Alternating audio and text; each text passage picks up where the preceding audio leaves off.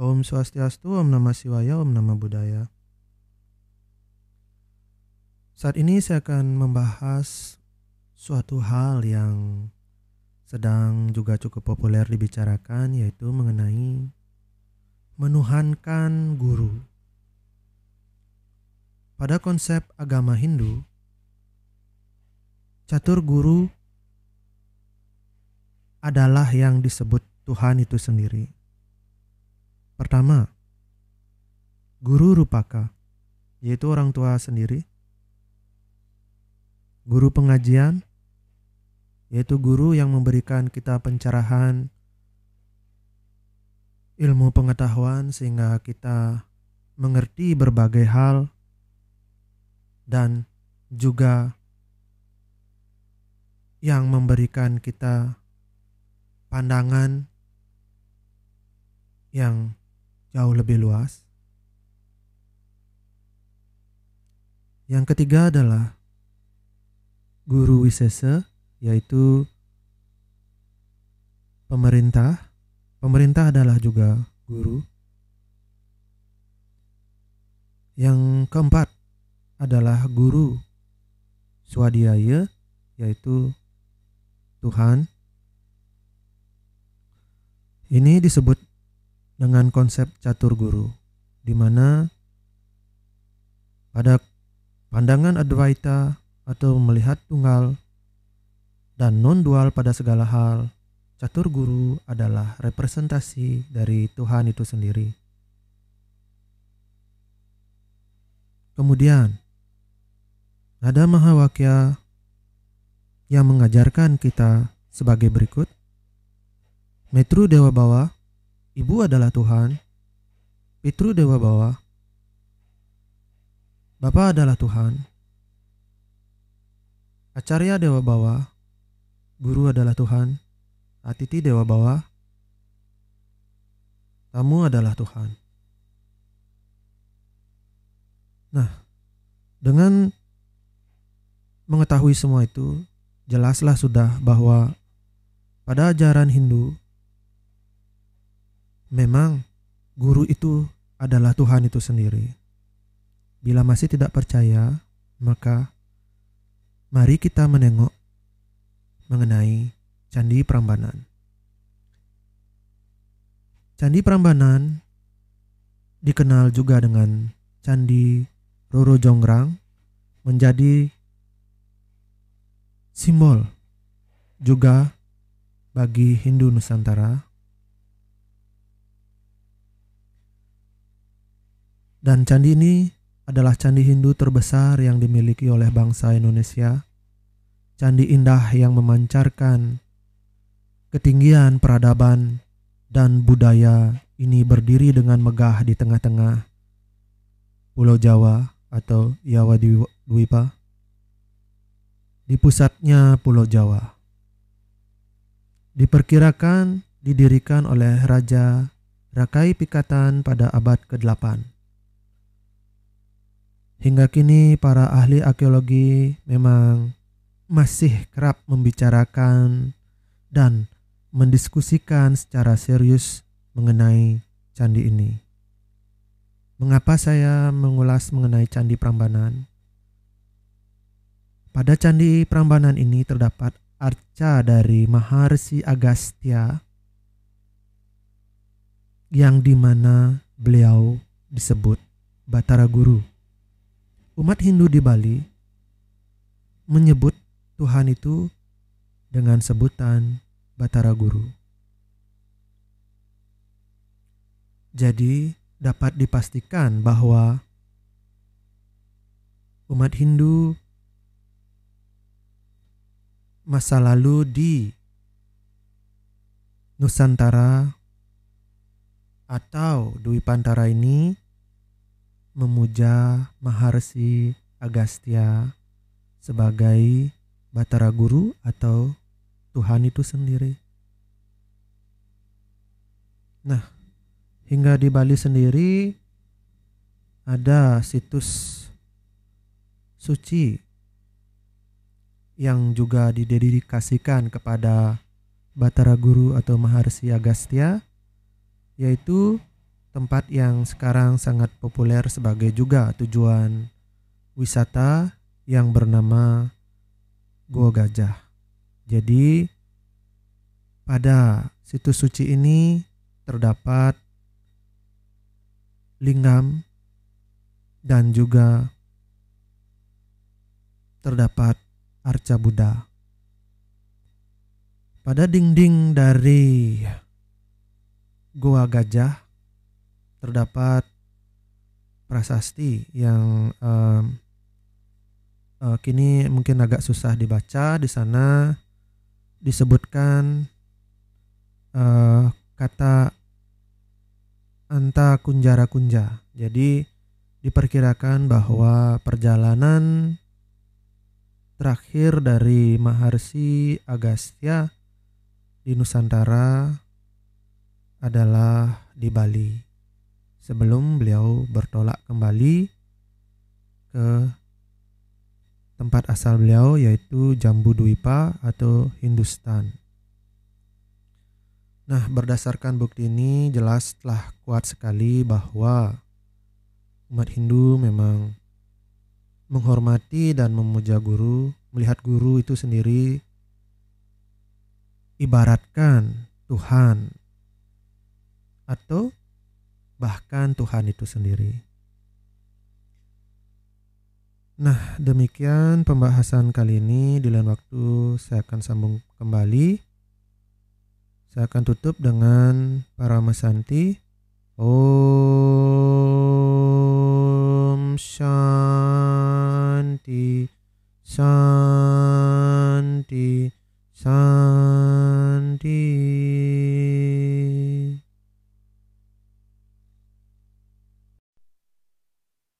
Swastiastu, Om Nama Siwaya, Om Nama Budaya.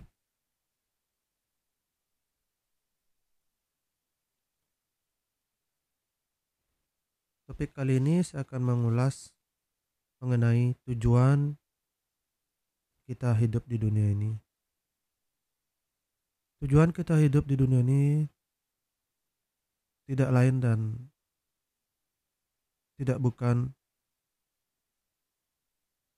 adalah untuk merasa. Jadi rasa, to feel, itu adalah tujuan hidup ini. Ada Mahawakya Weda menyebut sebagai berikut. Raso waisaha. Atau dengan kata lain, bila saya terjemahkan ke dalam bahasa Indonesia, maka itu bermakna Tuhan itu adalah rasa. Mengapa saya sebut bahwa tujuan hidup ini adalah rasa? Karena dengan kita merasa ini adalah tujuan hidup. Tanpa itu bukan hidup namanya. Segala hal, segala makhluk itu memiliki rasa.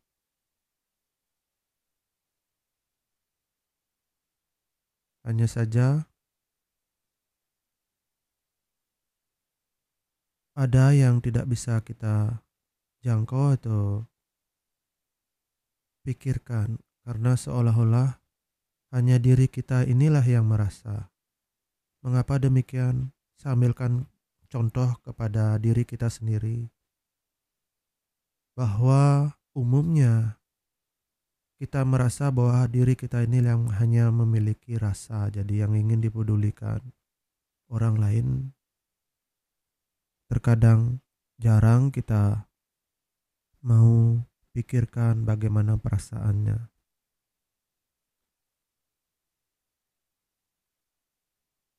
Jadi umumnya kita mengutamakan diri kita sendiri sehingga jangankan tumbuhan atau makhluk lain diri orang lain saja terkadang kita abaikan perasaannya.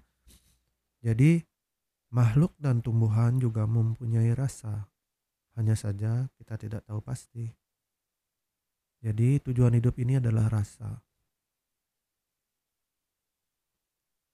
Tidak akan lebih dari itu jawabannya. rasa. Jadi itu intinya hidup ini adalah untuk merasakan atau to feel.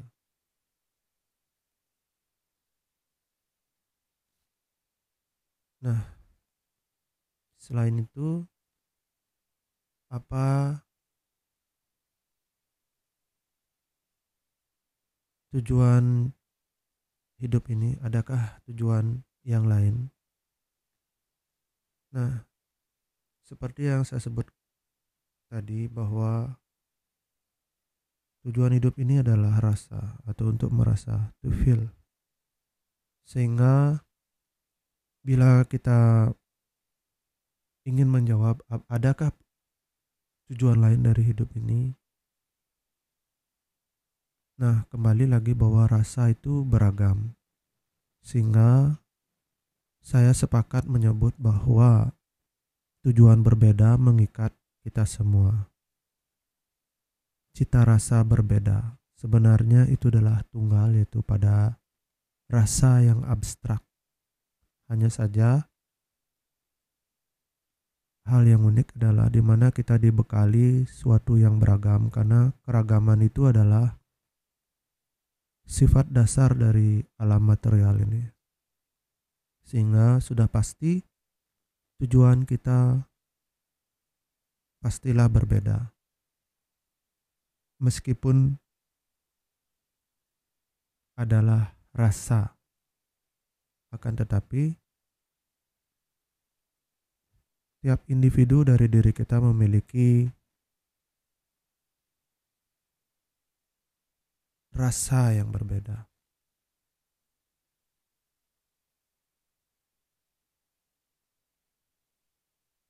Nah,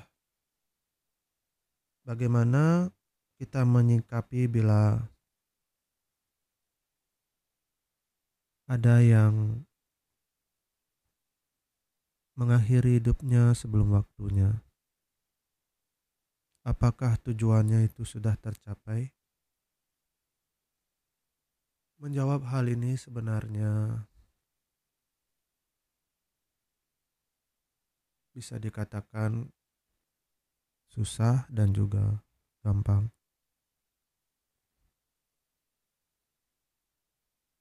Sebenarnya saya tidak setuju bila ada orang yang mengakhiri hidupnya sebelum waktunya. Karena terkadang suatu yang kita anggap itu merupakan hal yang sudah buntu atau tidak bisa lagi kita olah istilahnya sudah berakhir. Tapi kalau kita hadapi itu semua akan bisa kita lewati. Jangan sampai kita mengakhiri hidup ini dengan cara sendiri di mana itu adalah tindakan yang himsa karma karena melalui jalan kekerasan kita mengakhiri hidup kita sendiri sebelum waktunya. Biarkan tubuh ini berakhir pada waktunya. Bukan oleh karena kita cari jadi demikianlah harapan saya karena manusia adalah makhluk ilahi, makhluk kedewatan, makhluk divine di mana kita sebagai manusia memiliki kemampuan untuk berbuat jahat. Dan ketika kita tidak mempergunakan kemampuan berbuat jahat ini maka di sini kita disebut bahwa kita adalah orang yang baik yang memiliki sifat kemanusiaan. Karena sesuai dengan makna dari kita disebut sebagai makhluk divine, makhluk kedewatan. Jadi perbuatan baik itu adalah merupakan sifat dari keilahian.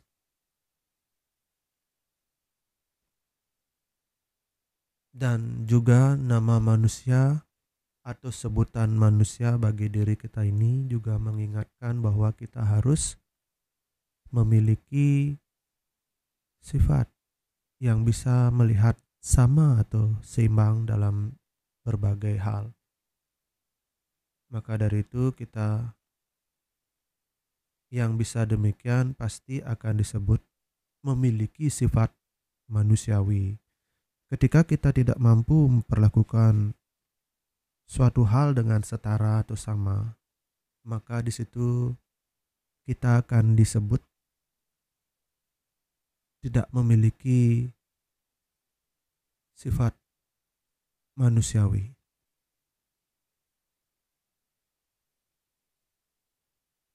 Jadi manusia sebagai makhluk divine haruslah mengembangkan rasa cinta kasih yang luas, terutama dimulai dari diri ini, bagaimana kita mencintai diri ini, mencintai kehidupan ini.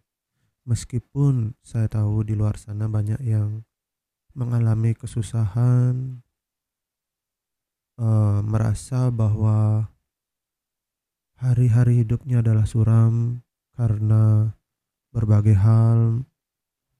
Salah satunya mungkin karena menghadapi penyakit yang sudah terminal, dan yang lainnya mungkin menghadapi permasalahan pelik lainnya.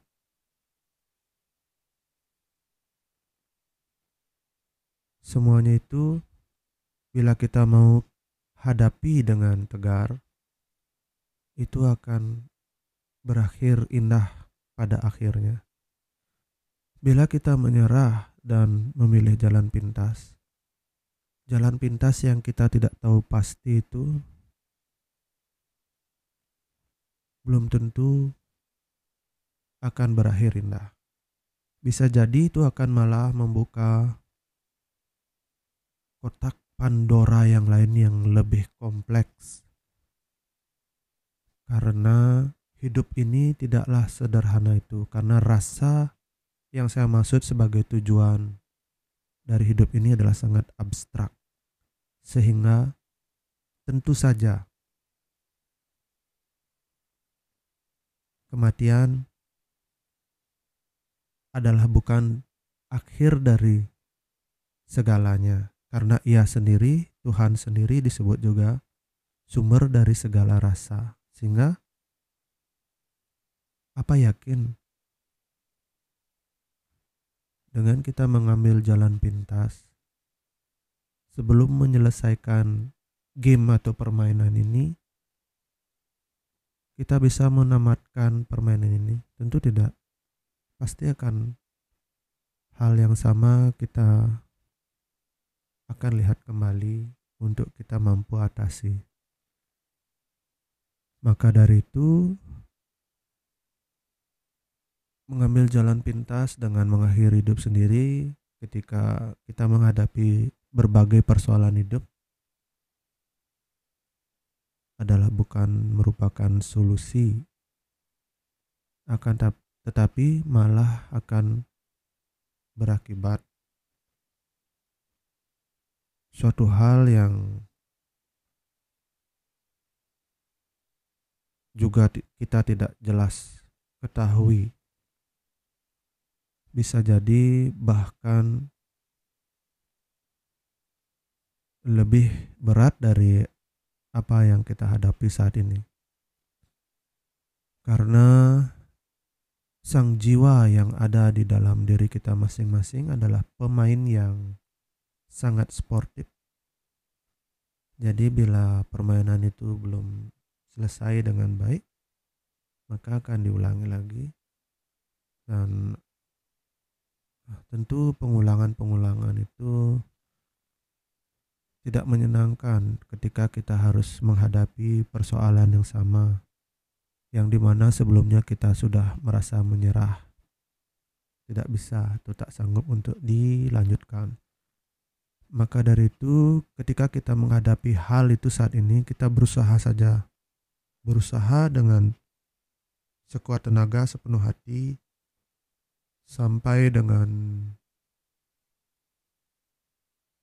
akhir. Ikuti sampai di mana pun, sampai di mana pun berakhir. Terkadang saya menghadapi sebuah masalah yang saya anggap bahwa itu adalah masalah yang sulit diatasi dan mungkin adalah akhir dari segalanya bagi diri saya. Tetapi ketika kita atau saya sendiri berkomitmen untuk melanjutkannya, ternyata itu bisa dilalui. Meskipun sebenarnya itu sangat sulit. Dan benar-benar uh, membuat diri kita awalnya depresi. Intinya tidaklah hidup namanya tanpa adanya masalah karena masalah itu juga adalah bagian dari rasa. Dengan adanya masalah yang datang itu adalah bumbu dari hidup. Salah satu dari elemen rasa.